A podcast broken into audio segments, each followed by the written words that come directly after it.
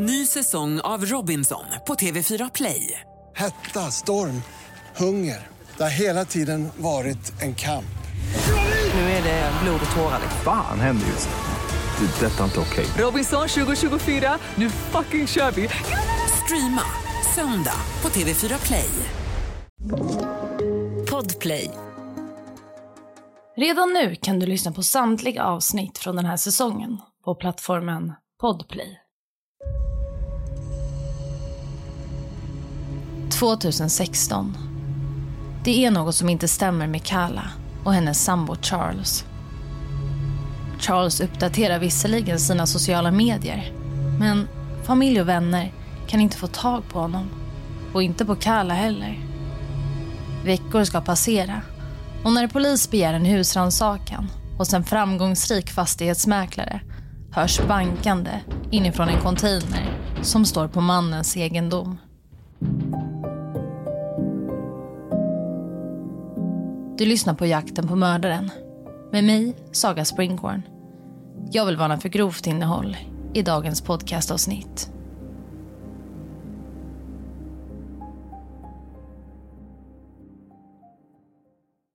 Året är 2016, South Carolina. Polisen ska göra en husrannsakan hemma hos fastighetsmäklaren Todd Collop. Charles och hans sambo Kala har varit borta i flera veckor och en utredning har visat att deras mobiler kopplat upp sig på master i närheten av Todds enorma egendom. En egendom på flera hektar. Några utredare knackar på hemma hos Todd.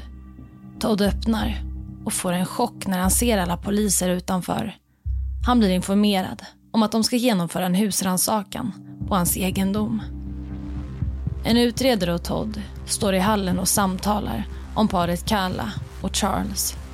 Samtidigt undersöker ett flertal poliser Todds markområden. En av poliserna hör något. Det bankar inifrån en container på tomten. Snart hör man att det är en kvinnas skrik. Containern är utrustad med sex lås. Poliserna får använda en motorsåg för att få upp låsen. Och väl inne i containern hittas Kalla. Kalla är fastkedjad runt hals, armar och ben. Hon har mycket att berätta för polisen. Vi spolar tillbaka tiden.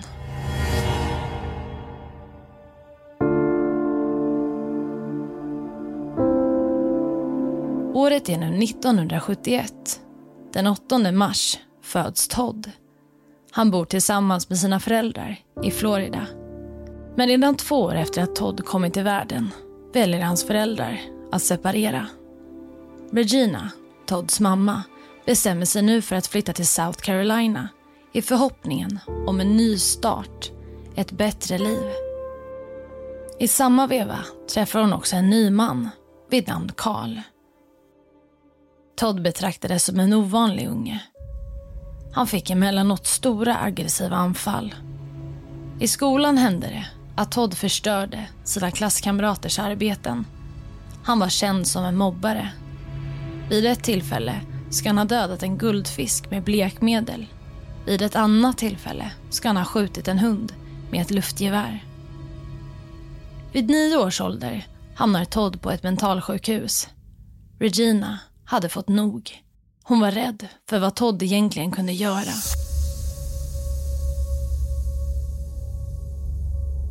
Todd spenderar nu några veckor på sjukhuset. I samma veva ber han om att få flytta till sin biologiska pappa i Arizona. Och efter mycket om och men blir det just så. Todd flyttar till Arizona för att få bo hos sin pappa, William. William var kanske inte som alla andra pappor. Han lärde Todd hur man får saker att sprängas. Han lärde honom hur man gjorde små hemmagjorda bomber. Todd skulle med tiden komma att hata sin pappa. William var nämligen sällan hemma. Han spenderade mycket tid med kvinnor. Det var uppenbart för Todd att hans pappa prioriterade annat framför honom. Efter att Todd bott en tid hos sin pappa ville han flytta tillbaka till sin mamma. Men mamma Regina visste hur Todd var. Hon var rädd och hade inte lust att få hem sin son igen. På så vis blev Todd kvar och sin biologiska pappa, mot sin vilja. När Todd är i 15-årsåldern blir han intresserad av en grannflicka. En flicka på 14 år. Den här flickan hade dock en pojkvän, vilket Todd inte uppskattade. En dag gick han hem till henne och knackade på. När flickan öppnade sa Todd att hennes pojkvän är hemma hos honom och att pojkvännen gärna ville prata med henne. Todd var manipulativ och övertygade flickan om att det faktiskt stämde. Efter mycket om och men valde flickan att följa med Todd. Väl hemma hos Todd drog Todd fram en revolver. Han hotade flickan, band henne med rep och tejpade för hennes mun. Därefter våldtog han henne. Efter våldtäkten sa Todd att han skulle döda hennes familj om hon berättade för någon. Bara några timmar senare kommer sanningen fram. Flickan hade berättat om händelsen för sin mormor som senare hade kontaktat polisen. Todd grips av polisen och efter samtal med psykolog och läkare diagnostiseras han med emotionellt instabilt personlighetssyndrom, även kallat borderline. Symptomen varierar från person till person men drag som karaktäriserar en person med borderline är ofta starka känslor som växlar snabbt. Dessa känslor kan ibland försöka hanteras med destruktiva medel och ofta kan man ha svårigheter med nära relationer.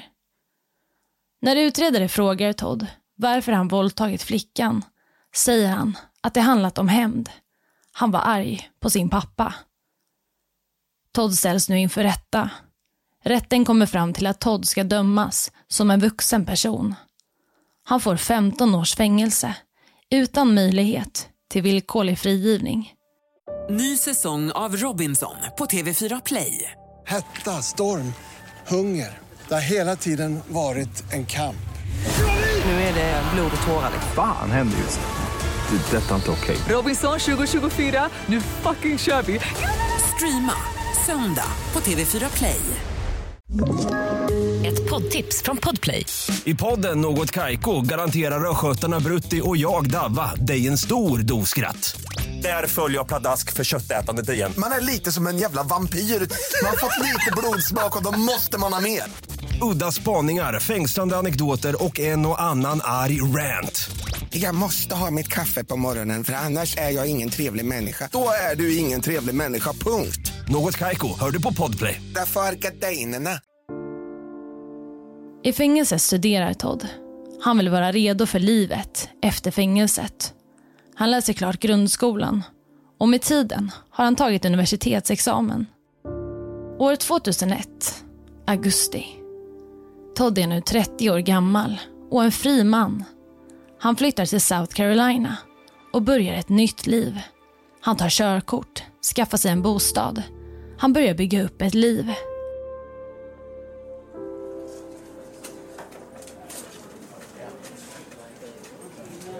Till en början får han arbete i en affär som säljer sportprylar. Det hade inte varit lika lätt för Todd att få arbete om han inte visat upp ett falskt CV. Han hade en lång anställningshistorik som såg bra ut. År 2006 får Todd sin fastighetslicens. En licens som han kämpat för. Licensen hade inte blivit hans om han inte lyckats stölja sitt kriminella förflutna. Todd startar ett företag och han blir snabbt framgångsrik. Företaget går bra och Todd har helt plötsligt det där livet som han drömt om. Han bestämmer sig för att flytta till Woodruff, också i South Carolina. Tomten är på hela 95 tunnland. Det är ett enormt område. Utåt sett verkar han vara en helt vanlig man. Han är artig, uppför sig väl och hälsar på sina grannar. Men det är långt ifrån hela sanningen. År 2016, i augusti. Kalla Brown och hennes 32-åriga pojkvän Charles letar efter ett arbete. De behöver pengar och söker efter arbeten på internet. Där ser de plötsligt en annons. En man vid namn Todd behöver hjälp med sin fastighet. Kala och Charles ansöker om att få arbeta hos Todd. Och väldigt snart får de anställning. De åker hem till Todd. Dagarna går. Charles uppdaterar sina sociala medier.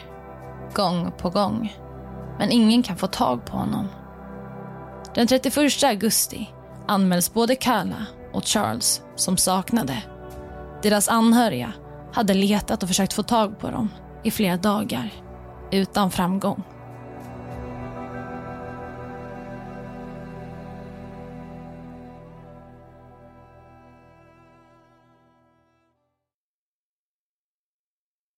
Och nu börjar polisen att utreda parets försvinnande.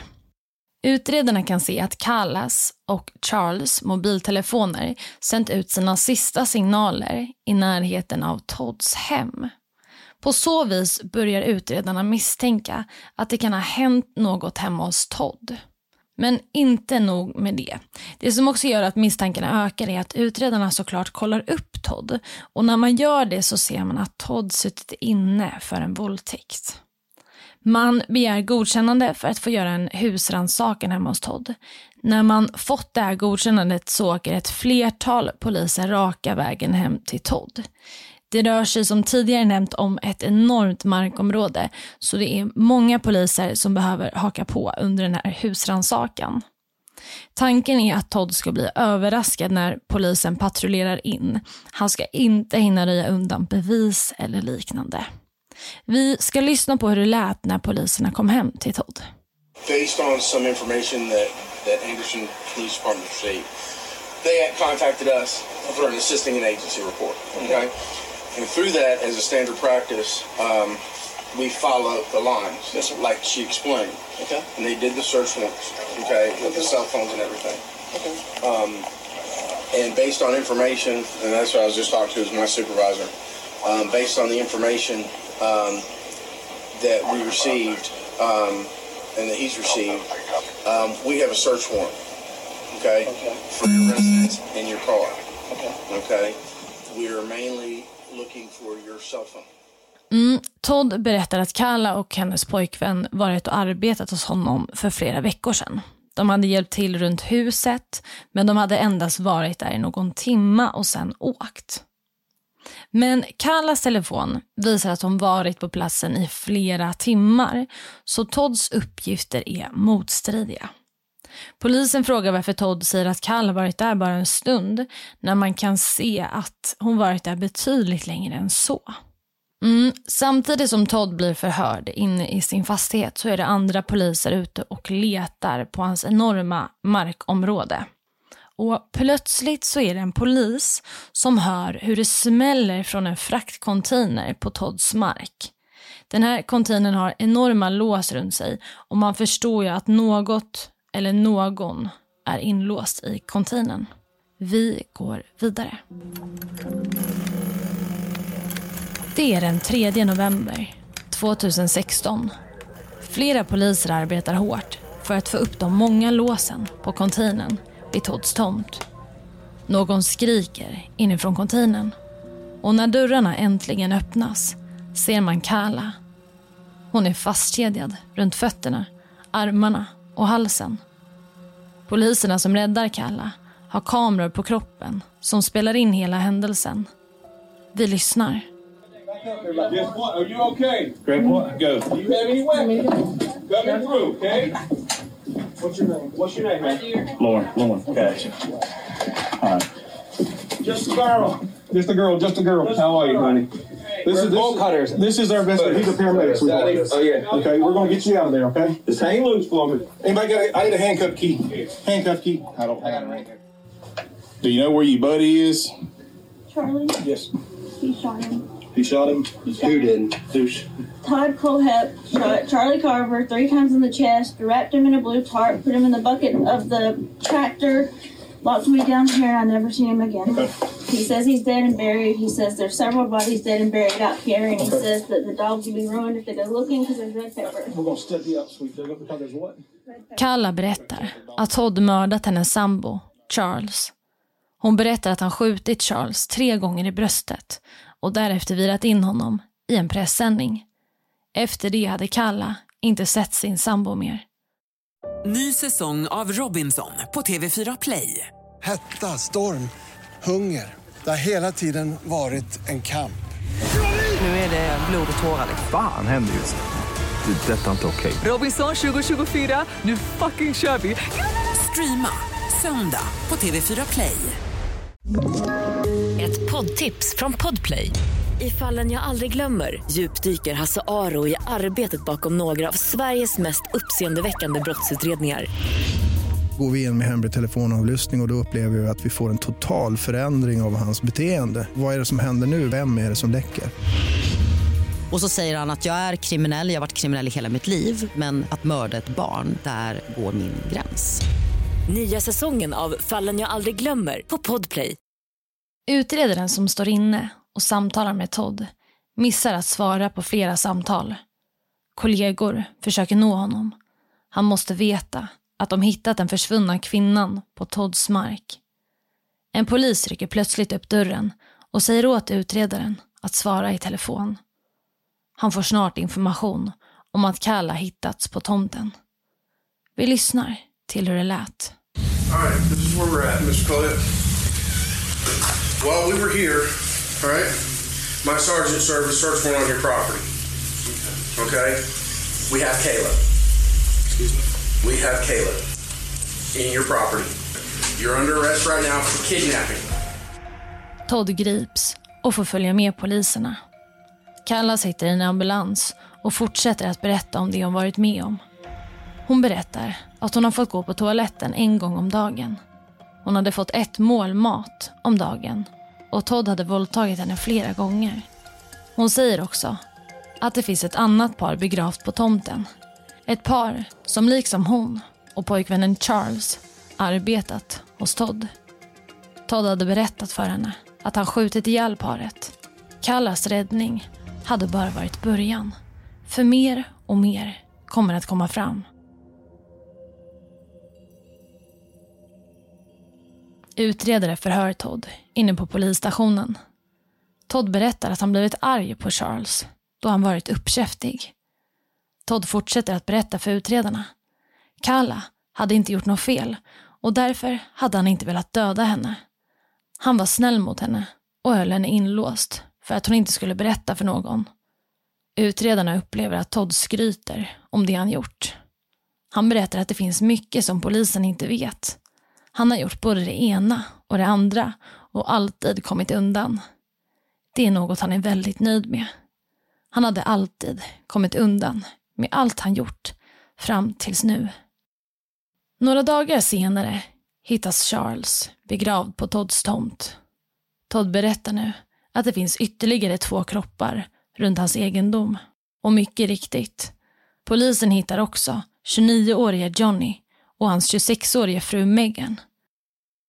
Paret hade varit saknat sedan december 2015. De hade liksom Charles och Kala anlitats av Todd för att rensa upp på hans egendom. Han hade anlitat paret och sedan skjutit dem. Men det tar inte slut där. I området finns det ett kallt fall. Ett brutalt mord på fyra personer som aldrig blivit löst. Mordet fick namnet The Superbike Murders.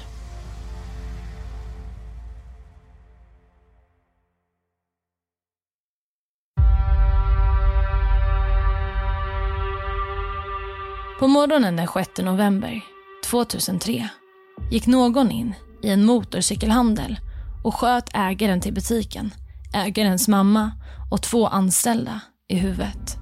Samtliga avled av skadorna. Under 2003 hade dessa mord varit högt prioriterade av polisen. En gärningsman fick inte gå fri från ett sådant makabert brott. Men det hade gärningsmannen gjort. Fram tills nu. Polisen hade sökt efter spår och följde en mängd olika teorier. Men så småningom ledde alla ledtrådar till återvändsgränder. Det såg ut som att Superbike-morden aldrig skulle kunna lösas. Men 2016, när Todd grips, ska sanningen komma fram. För att förstå tragedin med morden måste man gå tillbaka till januari 2001. Scott Ponder, en passionerad motorcykelentusiast, öppnar en motorcykelbutik. Scotts mamma arbetar i butiken och med tiden har han möjlighet att anställa flera personer. Scott hade ett framgångsrikt företag, var omgiven av kärleksfulla vänner och familj och var lyckligt gift med sin fru Melissa. År 2013 var Melissa gravid med deras första barn. Ett barn som Scott aldrig skulle få chansen att träffa. Samma år, år 2003, bestämmer sig Todd för att köpa en motorcykel. Han kan inte så mycket om motorcyklar, men har ändå bestämt sig för att han vill äga en. Todd köper en motorcykel i Scotts motorcykelbutik. Men några dagar senare vill Todd lämna tillbaka motorcykeln. Väl i butiken skrattar flera anställda åt honom. De hånar honom. En använd motorcykel som han nu tänkt lämna tillbaka. I butiken får han berättat för sig att det inte riktigt fungerar på det sättet. Todd nekas en retur och tvingas hem med sin motorcykel. Todd känner sig förnedrad. Tiden går och någon stjäl hans motorcykel. Todd tänker sig att det är någon från butiken som stulit hans motorcykel. Inte nog med att de hånat honom och nekat honom att lämna tillbaka motorcykeln. Nu tänkte sig Todd att någon av dem också stulit hans motorcykel. Todd är hämndlysten. Det här kan han inte acceptera. Den 6 november 2003. Todd åker till motorcykelbutiken. Han har en pistol med sig och vet precis vad han ska göra. Han håller pistolen gömd och går runt i butiken. När det endast är anställda och ägaren skott kvar i butiken så går han till attack. Han börjar skjuta. Det hela sägs ha gått på under en minut. Efter dådet hoppar Todd in i sin bil och kör därifrån. Det hade dröjt hela 12 år för mordgåtan att få svar. Och slutligen kom svaret. Todd var den som legat bakom attacken.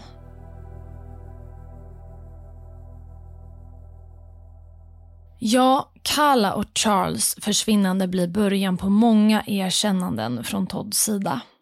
Todd berättar ju att han dödat fyra personer i motorcykelbutiken. Han erkänner också att han dödat Charles och ytterligare ett par. Men han nämner också gång på gång att det finns fler sanningar.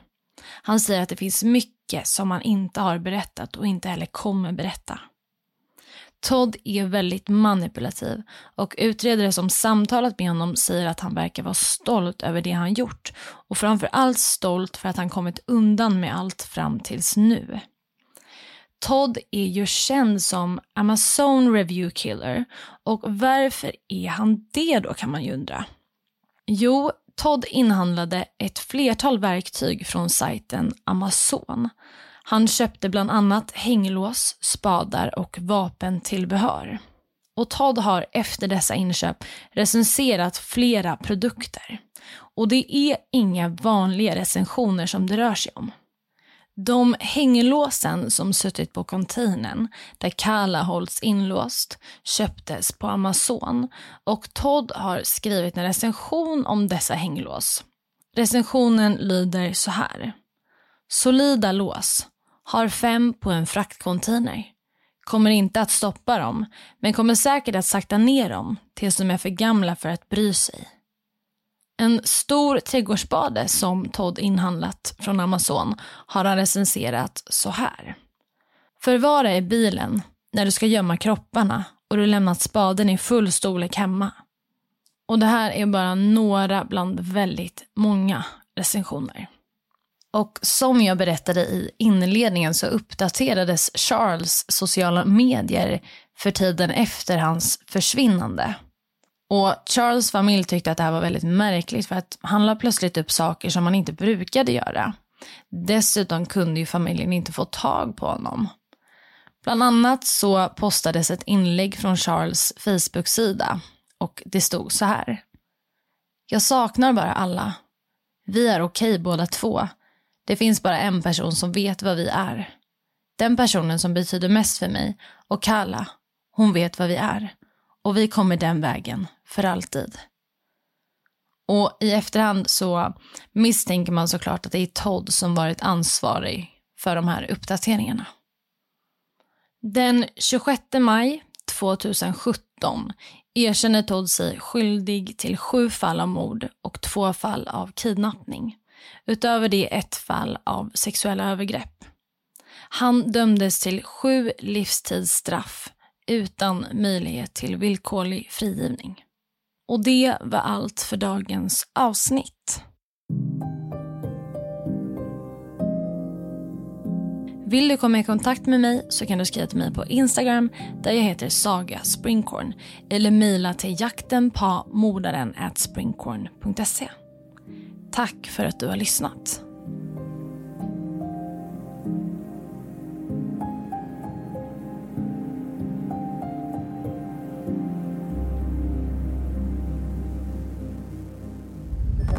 Podplay, en del av Power Media.